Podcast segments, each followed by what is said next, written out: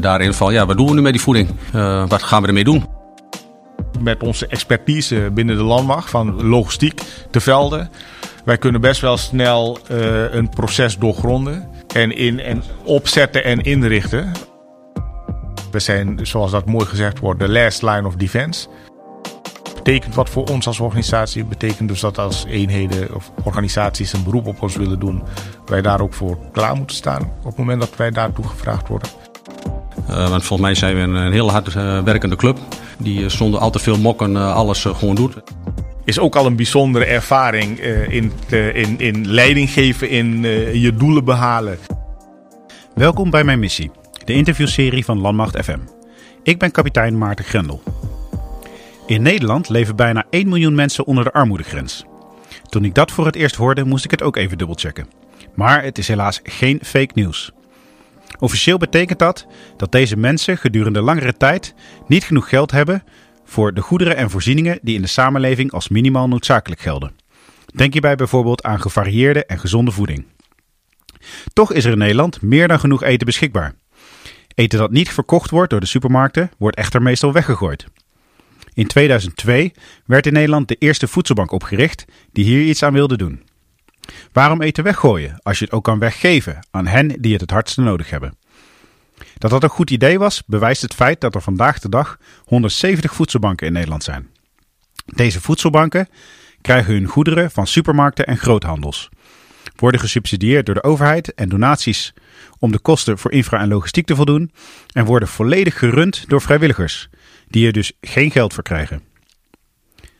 Vanwege de sluiting van de horeca, hamsterende supermarktklanten en een tekort aan vrijwilligers hadden de voedselbanken na de uitbraak van het coronavirus in Nederland te maken met grote uitdagingen. Het ministerie van Sociale Zaken en Werkgelegenheid vroeg daarom in april 2020 Defensie om hulp. Goedemorgen heren. Laten we beginnen met een korte voorstelronde. Zouden jullie mij willen vertellen uh, wie jullie zijn en wat jullie functie is? Mijn naam is uh, André de Pas. Ik, uh, ik werk bij de Landmacht als adjudant, materieelbeheerder, SAP. Um, en daarnaast ben ik ook belast met het coördinatiewerkzaamheden van de operationele catering. En dat doe ik in Lettelen en Badmen. En uh, de coördinatie van de operationele catering, uh, hoe moet ik dat uh, in lekentaal zien? In lekentaal is dat zeg maar, we kennen onze witte catering. Hè, dat is zeg maar de, de paresto waar je dagelijks je boterham kan halen en je warme maaltijd s'avonds. En de operationele catering is zeg maar alle voeding wat gebruikt wordt door, de, ja, door onze collega's in het veld. Ehm, uitzendingen en oefeningen. Dat is eigenlijk heel breed. Mag ik zeggen dat jij uh, deels verantwoordelijk bent voor al het eten dat militairen eten, zowel op de kazernes als uh, in het veld als uh, bij inzet en uitzending. Ja, deels, hè, maar met name, ik doe het absoluut niet alleen. Hè. Er zit natuurlijk nog een hele, een hele organisatie achter. Maar ja, daar ben ik zeker deels verantwoordelijk voor. Dankjewel. Armand. Goedemorgen, ik ben uh, Armand Soeleman, uh, major bij de Koninklijke Landmacht. Uh, werkzaam op dit moment bij de afdeling Strategie en Plannen van de Landmachtstaf. In die hoedanigheid uh, zijn we verantwoordelijk met de afdeling voor de toekomst van de landmacht, de ontwikkeling van de landmacht. Uh, maar waar we het vandaag over gaan hebben, denk ik, dat zat ik toen nog als instandhoudingsmanager bij het materieel logistiek commando. En werd ik uh, gevraagd detachementscommandant te zijn voor de club die uiteindelijk de steun heeft geleverd aan de voedselbanken. Ja, en wat doet een instandhoudingsmanager normaal gesproken? Instandhoudingsmanager is, uh, is een van de spelers uh, binnen het wapensysteemmanagement uh, die Defensie hanteert. Daar kennen we een tweetal overlegstructuren voor. Het wapensysteemoverleg en een instandhoudingsoverleg. En de instandhoudingsmanager is eigenlijk, die ziet toe op de uitvoering van het onderhoud. En de materiële beschikbaarheid van de systemen die hij of haar onder zijn hoede heeft.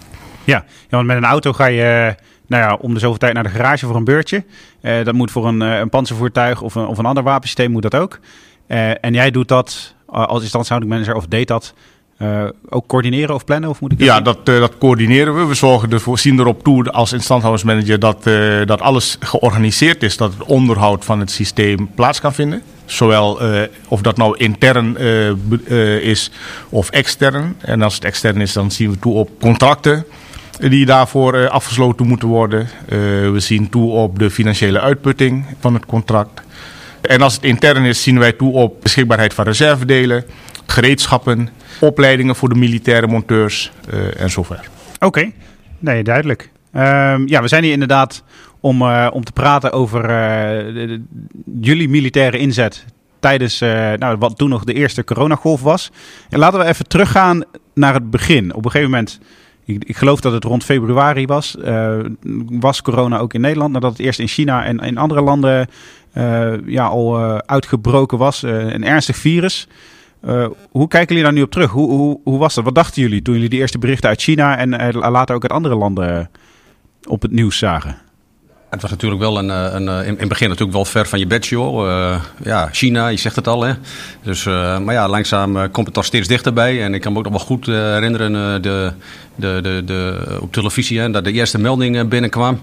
Nou ja, dan begon je toch wel een beetje achter de krabben van, ja, wow, het komt hier ook binnen. Dus, nou, uiteindelijk, ja, ontploft het bijna, denk ik, hè. En met alle, alle ellende en, uh, en drukte die je dan krijgt. Dus uh, dat, dat is voor mij wel, uh, wel, wel bijgebleven. Ja. Nou ja, goed. ik, ik onderschrijf dat beeld ook een beetje. ver van mijn bedshow in het begin. Zeker, zeker toen het nog in China was, zeg maar, in de provincie. maar vervolgens kwam het in Italië. en dan komt het al een heel stuk dichterbij. En dan merk je wat de impact is. dat ging daar, daar heel snel in korte tijd eigenlijk. Uh, ik, ik weet nog heel goed dat ik me op een moment afvroeg toen uh, rond carnavaltijd uh, of het nog wel slim was om dat dan op die manier te doen. Maar dat was meer gewoon ja, een gevoel. Ja, is nergens op gebaseerd. Ja, was ja. nergens op gebaseerd. Ja, ja en ja, dan zie je eigenlijk hoe snel zoiets kan gaan. En hoe snel het kan escaleren. Ja, ja uiteindelijk bleek die intuïtie dus wel te kloppen. Want niet lang daarna mochten we in Nederland ook een heleboel niet meer. Um, wat voor impact had het op jullie, op jullie werk op dat moment? Uh... Als ik kijk naar, uh, naar het materieel logistiek commando. Uh, wij werden heel snel geconfronteerd met het feit dat, dat alle brigades een, een actiecentrum moesten opzetten. het materieel logistiek commando bestaat al vijf jaar, maar had zoiets nog niet. dus wij moesten als de Wiedeweerga aan de slag met de weinige militairen van het, die het Matlogco kent eigenlijk uh, aan de slag om een AC Matlochko op te zetten. Uh, daar hebben we echt uh, een paar intense weken beleefd uh, in de voorbereiding om dat zo snel als mogelijk uit de ja, van de grond te krijgen, het AC Matlochko. En ehm, eigenlijk ehm, was dat best hectisch. Uh, tegelijkertijd thuisfront ook. Uh, ik heb een gezin met drie kinderen, schoolgaande kinderen. Uh, de, de consequentie was gelijk van scholen gaan dicht, onder druk van, van, van, van, van publieke opinie natuurlijk. Dus daar zat je dan eigenlijk mee. iedereen moest wennen. En als, als militair schakel je misschien wat sneller omdat je dat een klein beetje gewend bent. Maar toch, voor de mensen thuis is toch wel een ander, ander, uh, andere ervaring, omdat het in eigen land gebeurt. Ja. Ja, dat onderstreep ik zeker wel. Hè. Met name, ik ben, ben dan uh, ietsjes ouder en ik heb de, de, de kinderen uh, al de deur uit. Dus uh, die zorg had ik gelukkig niet. Dus dan konden er wel wat andere zorgen om de hoek kijken. Met name met ouders, die, of schoonouders die zeg maar toch op leeftijd zijn. En ja, toch wel ook in een soort isolement raken. Dus waar mijn vrouw best wel veel, veel voor doet. Hè. de boodschappen en dat soort zaken. Um, en als ik naar mezelf kijk, um, ja, ik, ik, uh, de eerste, eerste weken waren ook zeker intens. Hè. Dat vul ik zeker ook aan wat mijn collega net zei. Van, uh, het overkomt je. Nou ja, dan denk ik dat het, het militair zijn daarin misschien best wel uh, van, van pas komt. Omdat je dan zeg maar ja, makkelijk kunt schakelen. Je kunt ja, de, ongewone situatie nou ja, een beetje de, de uitzendingen zeg maar, en dat soort, soort zaken, nou, die kun je best wel, wel gebruiken. En uh, ja, je blijft daar wel, wel je, je, houdt, je probeert je hoofd koel te houden om de zaken goed te regelen. En wat ook bij ons ja, zeker toen het, uh, ja, de, de, de lockdown kwam, zeg maar, en heel veel oefeningen werden afgezegd, ja, dan moest je er wel, wel bij blijven. Ja, heel veel oefeningen werden afgezegd. er was dus ook heel veel eten over. Ja. Um, hoe was dat voor jou in jouw werk? Eh, ja, ja dat was voor ons natuurlijk wel een enorme uh, uitdaging. Want uh, normaal gesproken ben je als depot van, van Batman... voor het opvoer van de, de, de, de klasse 1 producten en alle voeding die naar, naar de oefeningen gaan, die kwam in één keer stil te staan. Dus nou ja, je moet, moet bedenken, zeg maar, van het moment van bestellen tot daadwerkelijk het, het opeten. Dus die hele, hele logistieke lijn die kwam tot stilstand. Um, Nou ja, goed, dan, kun je zeggen van we gooien het links en rechts in de, in de, in de, in de, in de sloot. Maar ja, dat gaan we zeker niet doen. Um, dus alle voeding, uiteindelijk kwam alle voeding uh, vrij snel terug. Nou, daar zijn wij als depot uh, niet op ingericht. Dus kwamen vrij snel vol te zitten met, met voeding. Nou ja, en toen moesten de cursus gemaakt worden. En uh, daarvoor hadden wij zeker uh, ja, contact met het, met het ASC uh, daarin van ja, wat doen we nu met die voeding? Ja. wat gaan we ermee doen? Want dat ligt natuurlijk niet aan ons. Wij kunnen dat helaas niet bepalen. Ook graag we het misschien wel willen, maar dat kunnen we niet bepalen. En nou, uiteindelijk kwam toch de go om, om de voeding zeg maar, door te kunnen sturen naar, naar de voedselbanken. Ja, ja en ik weet uh, uit mijn eigen ervaring als uh, PC dat het altijd heel erg lastig was als je eten over had op een oefening om dat, uh, om dat weg te geven. Ja. Dat mocht allemaal niet ja, vanwege voedsel, voedsel, veiligheid. veiligheid. Ja. waarom kon dat nu wel? Ja, ik denk met name de, de enorme druk uh, ook uh, binnen Nederland en op, de, de, ja, de meest kwetsbare groep. Hè. Uh, als je dan ook even leest op de, op de sites van, van dat soort organisaties, voedselbanken, Leger des Heils, hè, dat is ook een, die hebben ook een grote rol in gespeeld. Dat er toch heel veel mensen zeg maar, gebruik maken van de voedselbank. En daardoor, door, door, de, de, corona en alle lockdowns die er zijn, dat er veel meer mensen vragen hadden over, over voeding. Over ja, het beschikking, beschikking worden hebben over voedsel. En daardoor denk ik dat Defensie overstag is gegaan om het toch uh, in deze uitzonderlijke situatie uh, te doen. Ja, want ik had het even teruggezocht. In maart, uh, dat was vrij kort na de lockdown. en ook kort nadat al die oefeningen gecanceld waren. Toen heeft de Defensie heel veel voeding weggegeven. weet jullie nog hoeveel dat precies was? Aan, aan, aan de voedselbank waren dat ongeveer 35 pallets en dan moet je denken aan uh, vlees, vleeswaren, uh, zuivelproducten, groente, fruit, boter, sauzen enzovoort. Dus echt, echt maar uh, toch dagelijkse soorten voeding zeg maar, die gebruikt konden worden, genuttigd konden worden. Het heeft ook voor een deel te maken uh, dat we dat in dit geval wel gedaan hebben. Omdat uh, de voedselbanken die hebben een, uh, een uitzonderingspositie. Zij mogen namelijk nog producten uh, die omgestickerd zijn uh, en voorzien zijn van een sticker van de voedselbank, mogen zij zeg maar tot en met de houdbaarheidsdatum mogen zij nog verstrekken. Dat mag een winkelketen mag dat bijvoorbeeld niet, een supermarkt mag dat niet. Uh, en wij als Defensie al helemaal niet. Maar dat heeft te maken met een beetje risico en, en voor de, de beeldvorming ook, hè, ja. aansprakelijkheid. ik weet nog dat wij ehm, het, het AC Matlokko was nog net op gang, zeg maar. En toen kwam deze vraag vanuit het cluster uh, Opkat. Hier werd gesteld van, hé, hey, wij hebben nog wat spullen uh, beschikbaar die, die geschonken eventueel kunnen worden. Hoe, wat gaan we ermee doen? Wij via het uh, Territoriaal Operations Center vraag hebben uh, gesteld van hoe gaan we dit aanlopen? Wie gaat bepalen of het wel of niet uh, geschonken mag worden? en dat moest nog allemaal opgezet worden. Ja. ja, dat was allemaal nieuw natuurlijk. Het was allemaal nieuw, en wie, wie, heeft dat uiteindelijk besloten? Uiteindelijk is het, is het besluit genomen door, uh, door de DOPS. Uh, en ik denk dan daarmee de minister en de SG. De SG en de minister uiteindelijk. Die zijn uiteindelijk verantwoordelijk. Maar zo is het proces gegaan. Uh, wij, Matlogco, het cluster, heeft producten beschikbaar. Die melden we dan aan het TOC. De, hoe, wat het is en hoeveel het is. En die opgave ging dan door naar, naar de DOPS, naar de J3. Uh, en uh, in het Haagse werd dan een besluit genomen van oké, okay, prima, het kan. En vaak in het begin werd ook zelfs uh, aangegeven aan wie het dan kon. Zij zochten dan ook zelf naar, naar contacten. Ja, want wat is het alleen aan de voedselbank geschonken of ook nog aan andere partijen? Ook het leger des Heils heeft een partij gekregen. Ja. we hebben ook een, een min of meer private instelling ook uh, voorzien van, van, uh, van pakketten. Maar dat waren met name de, de, de maaltijden. Ja, volgens mij was het in Den Haag. Uh, er waren 42 dienstencompie, zeg maar, die de, die de, de, de diepvriesmaaltijden zeg maar, klaarmaakten, bereiden. En die werden dan uitgedeeld aan, aan, aan ouderen in, in de omgeving volgens mij. dat ja, was volgens mij de opzet. Ja. Ja, die contacten die zijn toen via mij gelopen. Uh, uh, vanwege mijn contacten met de voedselbank en het leger des Heils. Uh, zo heb ik toen vervolgens gezocht naar, naar een, een, een, een afnemer, om het even zo maar te, te noemen. En daar hebben we echt de, de beschikbare maaltijden echt een, een, een, goede bestemming kunnen geven en echt heel veel goeds gedaan. Ja, ja. ja want hoe waren de reacties vanuit de, vanuit de voedselbanken of misschien zelfs vanuit mensen die die pakket hebben gekregen? Hebben jullie daar iets van meegekregen? Ja, waren die, tenminste de reacties die ik heb gekregen waren allemaal positief.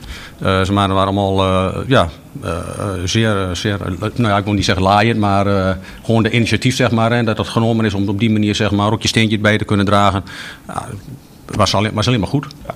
Ja, dat geldt. Dat is voor de voedselbanken idem. Eh, voor het leger Heils staat er nog natuurlijk een, een, uh, een interessante uh, kant aan. wat zij, zij geven dagelijks bereide maaltijden geven zij uit aan, op bepaalde locaties. Ja, een soort van gaarkeuken. Of, juist, precies. Ja. En daar doen zij inkopen voor, omdat zij daar, ja, zij hebben daar fondsen voor waaruit zij kunnen putten om die inkopen te doen.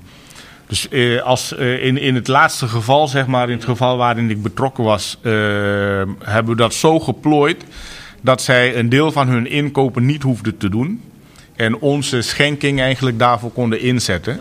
En dat levert hun weer ja, daardoor houden ze geld over om, voor, voor, om, om iets anders ermee te kunnen doen. Ja, maar het ligt er zelfs natuurlijk in iets andere instantie als de voedselbank. Want de voedselbank verstrekt gelijk aan, aan, aan uh, mensen. En dan liggen er zelfs, die doen nog op opvangen. Hè. Dan, slapen mensen en die moeten zeg maar hun ontbijt en warm eten. En, dus die, dat is net niet zo'n organisatie. Dus uh, ook voor ons was het natuurlijk een prachtig mooi doel om daar, uh, om, om daar zo'n 140.000 kilo aan voeding naartoe te kunnen sturen. ja. Was, was een immense hoeveelheid ja. inderdaad. Ja, want hoeveel vrachtwagens moet ik dan aan denken? Voor mij vier, dagen, vier, vier, uh, vier transportdagen geweest. Ja. Uh, met minstens twee trekkeropleggers per dag. Ja, dat zijn er, ja, trekker, ik dacht acht tot tien uh, zeg maar, trekkeropleggers die zeg maar, vol met, met voeding die kant op zijn gegaan. Ja.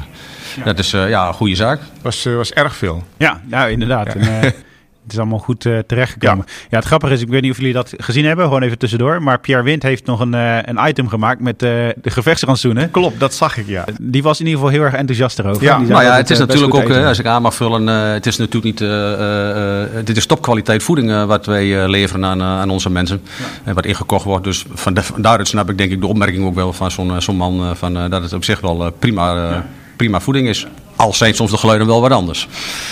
Maar dat is een beetje een gewenning. Maar dat is, uh, sma over smaak ja, smaak valt zeker ja, te twisten. Zeker, nee, ja. nee, nee, helemaal goed. Nou ja, jij was aan het werk in, uh, in het uh, AC uh. Ja. Um, was jij nog steeds aan het werk in Badme of werkte jij? Uh, ja, ik was gewoon in Badme. Nee, ja, ik was gewoon uh, werkzaam. Nee, ja, thuiswerken is dan op dat moment geen, absoluut geen optie. En uh, dan val je denk ik misschien toch onder een, een kritisch beroep, hè, wij als militair. En nee, dat is gewoon niet te doen. Dus dat moest vanuit de locatie moest alles aangestuurd worden, ontvangen, geteld. Nou ja, en alles moet doorgegeven worden aan het, aan het AC. En ja, dat was wel een enorme karwei. hebben mensen zeg maar een aantal weken echt van s ochtends vroeg tot s avonds laat heel, heel, heel druk mee geweest. En dat doen we samen met een, een tiental collega's bij ons in het depot. En die, die, die, die alle credits voor die mensen, zeg maar, die daar heel, erg, heel erg hard gewerkt hebben. Ja, dus ook voor jou hectisch, een ja, hectische tijd? Een hectische wel, tijd geweest voor mijzelf ja. ook, ja, om dat allemaal uh, rond te krijgen. Ja, ja en toen op een gegeven moment uh, in april, uh, toen zaten we al iets verder in de, in de, in de lockdown. en wat ik al zei, de voedselbanken die draaien eigenlijk alleen op vrijwilligers, volledig op vrijwilligers. Uh, vaak oudere mensen, uh, kwetsbare groepen ook, die ja, soms toch ook het verstandig gevonden om thuis te blijven. Dus de voedselbank had wat personele tekorten. En eigenlijk ook wel moesten soms, hè? want het was gewoon de, de, de mensen in de risicogroepen. Die werden dringend geadviseerd om thuis te blijven. En sommige voedselbanken hebben dat heel strikt toegepast. En hebben gewoon hun vrijwilligers bedankt. Ze zeggen van je bent nu even niet welkom. Ja, nou ja, en daarmee creëren ze een probleem. Ja. ja. maar uiteindelijk konden daardoor de voedselbanken ja, niet doen wat ze normaal doen. Nee, inderdaad. Um, en hoe kwam dat verzoek bij Defensie terecht om daarbij te helpen? Um, in eerste instantie uh, is er een, uh, in het Haagse uh, een bureau, een taskforce opgericht, task, de taskforce Whatever It Takes. Daar zijn contacten geweest met de Stichting Voedselbank Nederland. Daar is een voorstelverzoek uh, uit voortgekomen. En die is naar het ministerie van uh, Sociale Zaken toegegaan. En interdepartementaal uh, is er toen verzoek gevraagd aan Defensie. In het kader van de MSOB, de derde hoofdtaak, zeg maar. En Defensie heeft toegezegd. Ja. en dat kwam op een zondagochtend. kwam dat bij het TOK binnen uh, vanuit de dossier 3. Op uh, eh, 5 april, zondag 5 april om 7 uur s ochtends, ik had dienst van het AC Motlocco, werd ik gebeld door, uh, door hoofd TOK met de vraag, Motlocco moet mensen leveren in het kader van de MSOB. En we zijn daarmee aan de slag gegaan en 6 april, in de middag, maandag 6 april, zaten wij in de bevelsuitgifte samen met een collega-kapitein Paul Erisman van de 13e Brigade. En 7 april gingen we live. op drie locaties in Nederland. Ja, dat is een hele korte reactietijd. we hebben elkaar toen heel even gezien tijdens die bevelsuitgifte. Maar zou je willen vertellen welke opdracht jij toen kreeg en je collega's? Ehm, ja, in eerste instantie was het uh, het herstarten van een aantal distributiecentra. De focus lag op dat moment op Den Haag, omdat Den Haag helemaal dicht was. Tilburg en Amsterdam. en in, in die week, op die, op die dinsdag, die betreffende dinsdag 7 april, zijn we gestart in Den Haag en Tilburg tegelijk. En de woensdag zijn we opgestart in Amsterdam.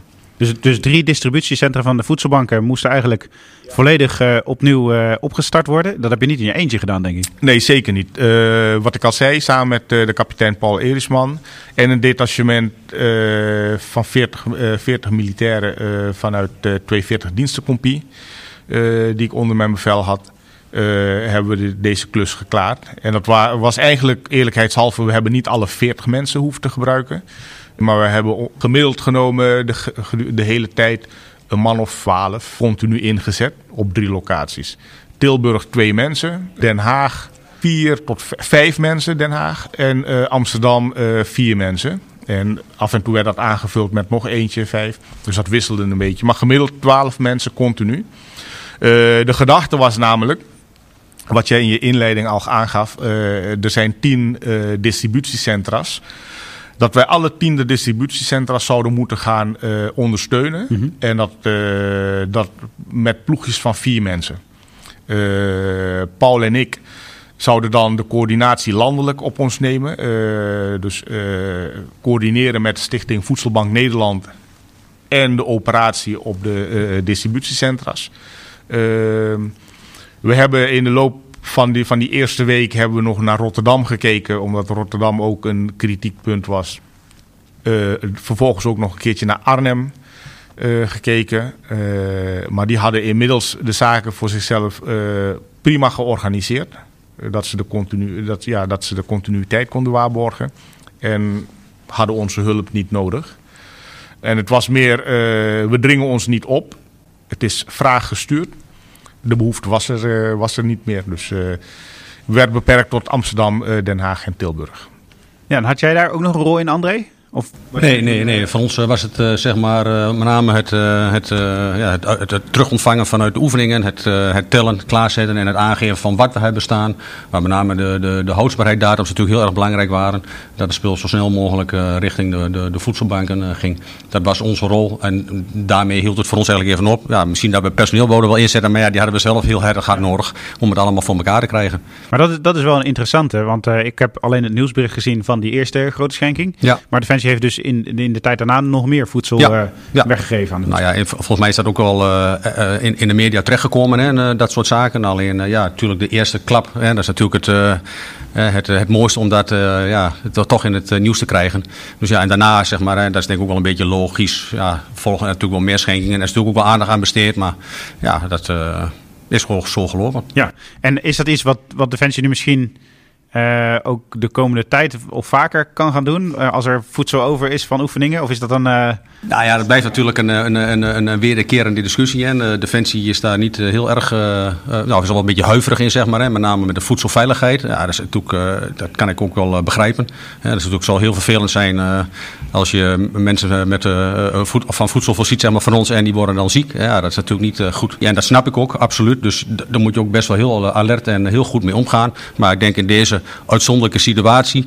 dat, uh, dat, uh, dat we dit eh, goed gedaan hebben. Ja, en is volgens mij niemand ziek geworden? Of nee, nee, nee, nee. Ik denk dat met name een discussie ook over smaak, maar dat valt niet over te twisten. Dus, Armand, ehm, ja, je hebt dus voor de voedselbank eigenlijk die hele logistieke keten opnieuw opgestart.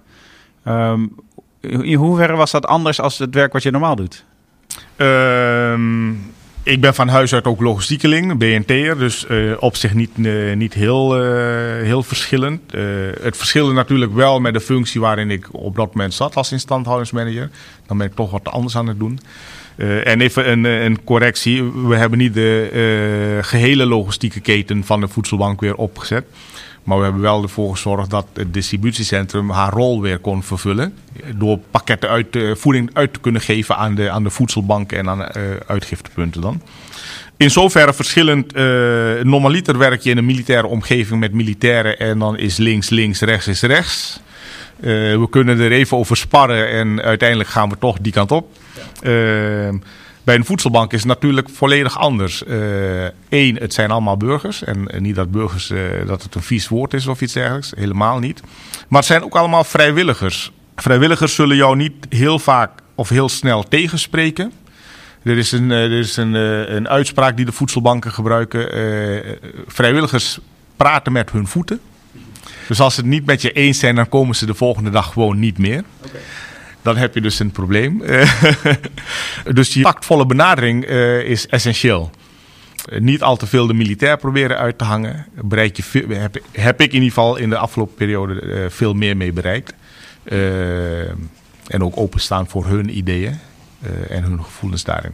En, was dat heel erg wennen of ging dat uh, vrij gemakkelijk, dat omschakelen van militair uh, denken en, en werken ja, naar ik heb, hoe, gek, hoe gek het ook klinkt, ik heb in 2007 tijdens een van mijn uitzendingen in het Midden-Oosten... heb ik heel veel met lokale autoriteiten moeten, moeten zaken doen. Of zaken moeten doen met lokale autoriteiten. En daar was geduld ook een schone zaak. Eh, dan kon je niet als militair op je strepen gaan staan of whatever. Dat werkte gewoon niet. Uh, en je was afhankelijk, je had iets nodig. En dat, dat was. Eh, de ervaring die ik daar heb opgedaan, heeft mij in, in, uh, tijdens deze inzet ontzettend geholpen. Uh, om even te schakelen van oké, wacht eens even. het hoeft niet allemaal te gaan zoals ik denk dat het moet. Het is niet morgen gereed, maar misschien volgende week. Als we maar een stap zetten. Nou ja, ik wil wel aanvullen, hè, dat is wel goed. Ik, eh, ik, heb, ik heb wel een, eh, een beetje een bijzondere defensiecarrière. Ik ben een tijdje tussenuit geweest. Ik heb een tijdje in de burgermaatschappij gewerkt, waar ik een paar leuke dingen heb gedaan. En dan merk je dat waar wij nu werken, zeg maar, waar ik, waar ik nu zit, zeg maar, in Letland en in Badmen, daar werken dus heel veel burgers. Ja. De militairen zijn daar echt in de minderheid. En dat, dat, dat geeft toch een andere manier van werken, een andere, andere tact. Hè, wat je ook zegt, hè. dan kun je niet op de streep staan. bevel is bevel. Nou ja, goed, dat werkt dus gewoon niet. Dus, nou ja, en daar kun je best heel veel van leren. Dus met name wat ik ook geleerd heb in de tijd dat ik zeg maar, uh, ja, in, in, in de burgermaatschappij heb gewerkt. Die ervaring neem ik dan wel weer mee. En waar ik nu zeg maar zit, om, om met, uh, met, uh, met het burgerpersoneel te kunnen werken. Ja, zeker. Als we kijken naar het Matloco, meer dan 75% bestaat uit burgers. Om daar te werken is ook al een bijzondere ervaring in, in, in leiding geven, in je doelen behalen. Eh, wat, wat eigenlijk eh, een aanvulling is eh, voor, voor ons als militairen, zeg maar. voor de rest van je carrière, denk ik. Nou, ik zeg ook altijd, je moet met ze samenwerken, maar je kunt ook niet zonder ze, zeg maar. Want ja, wij gaan op uitzendingen, wij gaan, nou ja, we vliegen om de drie jaar naar een andere functie toe. En die mensen zijn toch wel een beetje de stabiliteit zeg maar, van, van onze organisatie. Om in ieder geval dat soort zaken door te laten gaan. En dat maakt ze op zich, wat mij betreft, best heel uniek. Maar soms ook wel lastig. Ja, ja maar eigenlijk zeggen jullie allebei: uh, het is voor de meeste militairen best uh, goed en leerzaam om uh, eens wat vaker met burgers te werken. Om eens een keertje in, een functie te hebben waarin, waarin je die samenwerking met, met burgers wat meer hebt. Ja, dat geeft toch een heel andere kijk en ook hoe je daarmee omgaat. En ik denk voor, voor menigeen het heel goed zal zijn. En, en heb jij, Armand, jouw militaire planningsvaardigheden en jouw kennis van de logistieke keten ook nog een beetje kunnen overdragen aan de voedselbank? Hebben, ze daar nog dingen aangepast uh, naar, naar aanleiding van jouw inzet en die van de collega's? Nou, zeker, zeker. Uh, we hebben uh, natuurlijk was het niet alleen maar het opstarten weer van de distributiecentra's, maar ook voorbereiden op een tweede golf. Want ook toen hielden we rekening met een tweede golf. de voedselbank houdt een klein beetje bij hoeveel nieuwe aanmeldingen er zijn per regio. En die zagen eigenlijk al gedurende die inzetperiode een toename van het aantal uh, huishoudens die een beroep wilden doen op, uh, op de voedselbank. Uh, en dat heeft allemaal te maken met economische effecten. Ehm, als iemand uh, vandaag zijn baan verliest, een ZZP'er, heeft hij niet morgen al gelijk een probleem. Maar dan kan hij een maand, anderhalve maand later, twee maanden later, gaat hij pas de financiële effecten daarvan uh, uh, zien. Of zijn de financiële effecten merkbaar. En dan gaat hij naar een voedselbank omdat hij nergens terecht kan nog. Ehm, Ehm, dus daar zagen we langzaam wel een, een, een toename. Landelijk lag dat tussen de 10, 20 procent. Ehm, maar tegen het einde zagen we ook wel weer een klein beetje een afvlakking. En toen zagen we ook in Nederland dat het iets beter ging. Hè? Uh, dat, kon, dat kon je merken. Dus uh, dat was het tweede deel van het opdracht. Het distributiecentrum dusdanig veel meegeven of dusdanig informatie meegeven. dat zij voorbereid waren op een eventuele tweede golf. en dat ze zouden kunnen opschalen om die grote vraag te kunnen voldoen. Daarnaast uh, was het de doelstelling van uh, de Stichting uh, Voedselbank Nederland om een landelijk distributiecentrum op te richten. Land... Dat was er nog niet? Dat was er nog niet, een netwerk. Om even een stapje terug te doen misschien. het ontstaan van zo'n voedselbank is volgens het grassroot principe gebeurd. Hè? het was heel vroeger aan de keukentafel in een wijkje dat iemand die het iets beter had zag bij de buren dat ze het minder hadden en dan werd er wat uh, weggegeven. En dat ontwikkelde zich dan van de keukentafel naar een buurthuis, naar een kerk. En dat werd dan een uitgiftepunt en dan werd een voedselbank. En de voedselbank werd later een distributiecentrum. Nou ja, ik denk heel veel mensen nog het idee hebben van uh, het gebeurt vanuit een, uit een schuurtje of vanuit een garage. Ja. Maar het is gewoon op dit moment gewoon een professionele organisatie. Zeker, gerund door vrijwillig. En ja. uh, iets met, met tien distributiecentra's. Ja. Nou ja, en een aantal hebben we net ook genoemd. 170 voedselbanken. Ik wist ook niet dat er zoveel Iets van 500 uitgiftepunten volgens mij. De punten. Ja, dat is, dat is natuurlijk een, dat, dat, dat doe je niet even zomaar even op een uh, achterkant van een bierveeltje, om maar zo te zeggen. Dus dat, maar dat is voornamelijk wat je, wat je dan ziet, het is voornamelijk regionaal georganiseerd. Waarbij je dan gelijk het, volgende probleem voor je kiezen krijgt. Uh, sommige regio's, sommige provincies in Nederland, die zijn beter bedeeld dan andere provincies.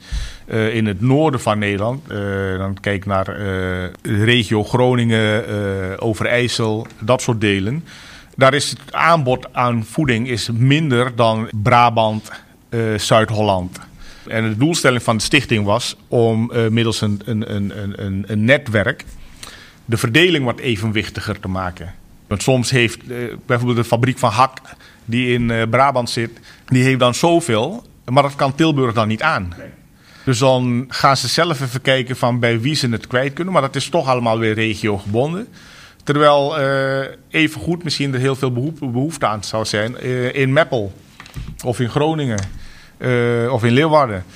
Uh, maar het komt er niet omdat dat netwerk er nog niet, uh, nog niet goed zit. Dus dat en, was ook nog een nou, Dat was ook wel leuk hè, voor ons, van onze kant uit. De samenwerking uh, met, met jullie zeg maar, van het AC. Om, zeg maar, de, de, wij gaven er gewoon de, de totalen door, zeg maar, hè, wat we hadden staan. En daarna kregen we een lijst zeg maar keurig netjes van uh, en, en, naar welke voedselbank uh, het toe moet. En dat deden wij dan. Wij maakten dan de verdeling voor de voedselbanken. Mooie stickers erop. Transport werd ingeschakeld. Ook een belangrijk onderdeel. om daar zeg maar ja, naar de juiste plekken te kunnen transporteren. Dat was op zich wel goed om te zien. Ja, ja want Defensie ja, is natuurlijk wereldwijd actief. Dus levert ook wereldwijd logistieke ondersteuning. en ik, ik, heb me een aantal keren verbaasd hoe lokaal dingen in Nederland soms geregeld zijn. Uh, het bekendste voorbeeld is denk ik wel de patiëntenspreiding tussen de ziekenhuizen. Ja, Daar heeft Defensie ja. ook een, een landelijk patiëntenspreidingscentrum helpen oprichten. Maar de voedselbank is eigenlijk net zo'n voorbeeld. Uh, Nederland is maar een heel klein landje, maar uh, soms, soms is, ja, kan het toch iets beter georganiseerd worden. Maar daar hebben jullie dus ook een bijdrage Daar hebben we ook een bijdrage aan geleverd. Uh, in ieder geval een, een aanzet toe. Het is niet gerealiseerd. Dat moet ik ook eerlijkheidshalve melden, denk ik. En voor de voornaamste reden daarvan dat het niet, ons, ons niet helemaal gelukt is. Het tast een klein beetje de ondernemerschap aan van, uh, van, van de, de, de mensen die zo'n uitgiftepunt runnen, of een voedselbank runnen, of een distributiecentrum runnen. Die hebben, die hebben een soort van verantwoordelijkheid over hun organisatie. En de vrees is dat als zij dat uh, aan een landelijk distributienetwerk overdragen, dus dan zou het uh, gaan naar de Stichting Voedselbank Nederland, dat ze daarmee een klein beetje ja, hun autonomie kwijtraken. En ja, dat is nog wel een, een, een punt waar, uh, waar de Stichting Voedselbank Nederland mee worstelt, hoe dat te doorbreken. Onderschrijven allemaal hoor. Het belang van het landelijk distributienetwerk. Maar ze zijn geen van allen nog bereid om de eerste stap te zetten. Ja, ja verandering kost altijd uh, Juist, ja, precies. Kost enige moeite. Ja. Ja. Uh, tot, tot wanneer duurde de inzet eigenlijk? Voor mij duurde dat tot, uh, tot 1 juli. Okay. Ja, de MSOB-opdracht was tot 1 juli. Nou, voor ons is het natuurlijk net even anders. Het waren voor ons zeg maar projecten. Dus ja, bij ons heeft het natuurlijk niet een tijd geduurd. Dat, gaat continu door. Hè, dat zeg maar buiten alle andere werkzaamheden. Hè, want de missies en dat soort dingen gaan gewoon door voor ons. Dat, die moeten ook gewoon voorzien worden van, van hun aanvragen voor de voeding. Dus voor ons was het zeg maar ja, meer werk. En het is niet zeg maar dat wij een bepaalde tijd hebben gehad van van tot. En dit was, nee, dat, dat, hadden wij, dat gevoel hadden we zeker niet. Het was gewoon de voeding kwam terug, klaarmaken, aanbieden en weg. Ja. En dan was het ons weer klaar. Ja. En gebeurt dat nu nog steeds of is dat na 1 juli ook? Nee, is, dat betreft is het helemaal, eh, helemaal gestopt. Okay. Ja. Misschien nu, maar ja, uh, de oefeningen zijn uh, zeg maar, uh, die gaan gewoon door. Ja, ja. er zijn wat, wat, wat veranderingen. Hè. We zouden naar Duitsland. er zouden een aantal grote oefeningen zijn. Die zijn of gecanceld of die vinden nu in Nederland plaats. Dus op zich zullen wij nu, zoals we nu op dit moment kunnen zien, en hopelijk in de, in in de, in de komende weken, de spreiding eh, van, van de voeding, zullen wij niet uh, overvol raken. Maar mocht het dan toch zo zijn, en uh, dan zullen we zeker ons, van onze kant zou ik niet schromen om in ieder geval de mensen aan te stralen. Om te zeggen van, oh, we hebben het misschien wel wat staan. Kunnen we dat eventueel weer kwijt aan de voedselbank of we liggen er zelfs? Ja, we zien, we zien nu, ondanks het feit dat, dat wij in ieder geval mijn club 30 juni afscheid heeft genomen van deze opdracht. Of deze opdracht heeft afgesloten. De afgelopen weken is er weer wat, wat reuring eh, op het dossier ontstaan. Uh, het distributiecentrum Amsterdam die is bezig met een verandering, bestuursverandering en de inrichtings. ook naar aanleiding van onze inzet en de evaluatie daarvan.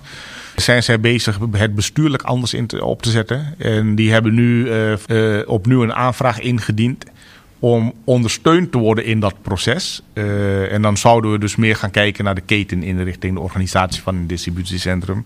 Uh, en daar ben ik ook weer voor benaderd. Uh, of ik daar eventueel een rol in zou willen spelen. ik heb in zoverre nog niks toegezegd. maar je, je, je merkt gewoon, wij, wij met onze expertise binnen de landmacht van logistiek te velden. Wij kunnen best wel snel uh, een proces doorgronden. En, in, en opzetten en inrichten. Uh, en uh, fijn, fijn die waardering te, terug te krijgen. Dat, dat men dat ook inziet. En daar weer om onze expertise vraagt, zeg maar. Ja, met name de snelheid van handelen. Zeker. Daar, ja. daar scoren wij wel ja. echt wel punten mee. Ja. ja, we zijn nog niet van het coronavirus af. Maar misschien ehm, is jouw inzet voor de voedselbanken ook nog niet uh, helemaal afgelopen, als ik het zo hoor? Ja, misschien iemand anders, maar uh, in ieder geval, ik denk, dat, ik denk niet dat wij, uh, dat wij als Defensie er, er, al mee klaar zijn. Nee. Dus. En ondanks dat, um, als je nu terugkijkt op die periode van, van april tot juni, um, waarin nou ja, een hoop gebeurd is, waarin je een bijzondere opdracht hebt mogen uitvoeren, hoe kijk je daar nu op terug? Voldaan. Eh, tevreden met wat ik, eh, wat ik eh, gedaan heb. Maar ook dankbaarheid eigenlijk. ik had wel eens van de voedselbank gehoord. Maar dat was het ook. en nu mocht ik daar steun aan leveren en kon ik zelf zien met eigen ogen ehm, hoe het eraan toe gaat, zeg maar. En wat voor type mensen er daar langskomen. Want het beeld dat ik daarvoor had was, ja, weet je wel, daklozen, werklozen uh, die een aanvulling zoeken. Maar ik kwam ook gewoon mensen tegen die bij wijze van spreken mijn buren konden zijn. Waar, waar je het niet van weet, hè? Vaak. Ja, waar je het niet van... Ja, achter de deuren, uh, waar je niet weet van nee, wat er allemaal speelt. Ja. ja. Armoede schuilt achter de achterdeur, ja. voordeur. Ja. Uh, nou ja, het is ook wel een beetje mijn indruk, hè, als ik dat aan mag vullen op die manier. Uh, we hebben dat, we hebben dat met heel veel plezier gedaan, heel veel positieve reacties. Iedereen heeft daar zijn steentje aan bijgedragen. Um, uh, vooral de hele keten binnen Defensie. En ook naar de voedselbank en Regen des Heils toe. Uh, ik, ik, denk dat we het gewoon... Uh, ja, als het nu voor de tweede keer weer zal gebeuren, we doen het, pakken we het gewoon weer op. En dan gaan we het gewoon weer doen. En ja, ook, ook leerzaam, met name wat je ook zegt. Van, ja, dat het toch... Het, het, het, het schrijnende hè, in dit verhaal, zeg maar. En dat er toch best veel mensen gebruik maken van de voedselbank. En dat nou ja, gezien Nederland, eh, toch, we zijn toch wel een rijk land volgens mij. Uh, en dat er toch nog een, een, een categorie mensen zijn dat die op die manier. Uh, ja, dat, dat, dat ja. er nog gebeurt, voorkomt dat op deze manier zeg maar, mensen ja. uh, zeg maar, hun dagelijkse eten moeten gaan halen. En dat, nou ja, daar, daar, daar schrik je dan op zich wel van. Maar goed, dat zet je gewoon om in, in hulp. En, nou ja, en dat, dat geeft gewoon een hartstikke goed gevoel. En dat, dat zullen mijn collega's ook beamen. Zeker. Ik bedoel je bent ook denk ik net zo oud als ik, nog de VN-uitzendingen misschien nog meegemaakt, waar, je, waar je dan ook hulp aan bood aan, aan de lokale bevolking. Ja. dit is eigenlijk in mijn beleving, voor mijn ervaring, was het een, een, een, een, gradatie erger. Omdat uh, je dezelfde blikken zag, maar um, er was helemaal geen conflict. Uh, het is geen crisisgebied. Het is gewoon hier in Nederland. Ja, ja. Uh, met mensen die je gewoon op straat tegen kan komen, maar niet van weet. Ja. Dat maakte het voor mij, dat was voor mij ingrijpend eigenlijk. Um, um, en dat raakte mij ook heel erg. En daarom doen we het ook met heel veel, heel veel plezier gedaan en met heel veel inzet. Ja, ja, nou, dat is sowieso wel mooi. Ja, we hadden het al even over uh, eh, MSOB. Uh, eh, voor de mensen die de afkorting niet kennen, volgens mij is dat militaire... Militaire steun aan het openbaar belang. Ja, precies. Of in het kader van het openbaar belang.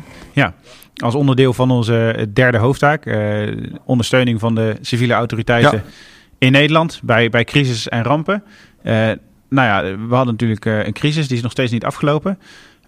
mag ik jullie vragen of jullie het wat jullie ervan vinden. Dat, dat, de landmacht eigenlijk in, in mijn beleving meer dan voorheen ook in Nederland wordt ingezet.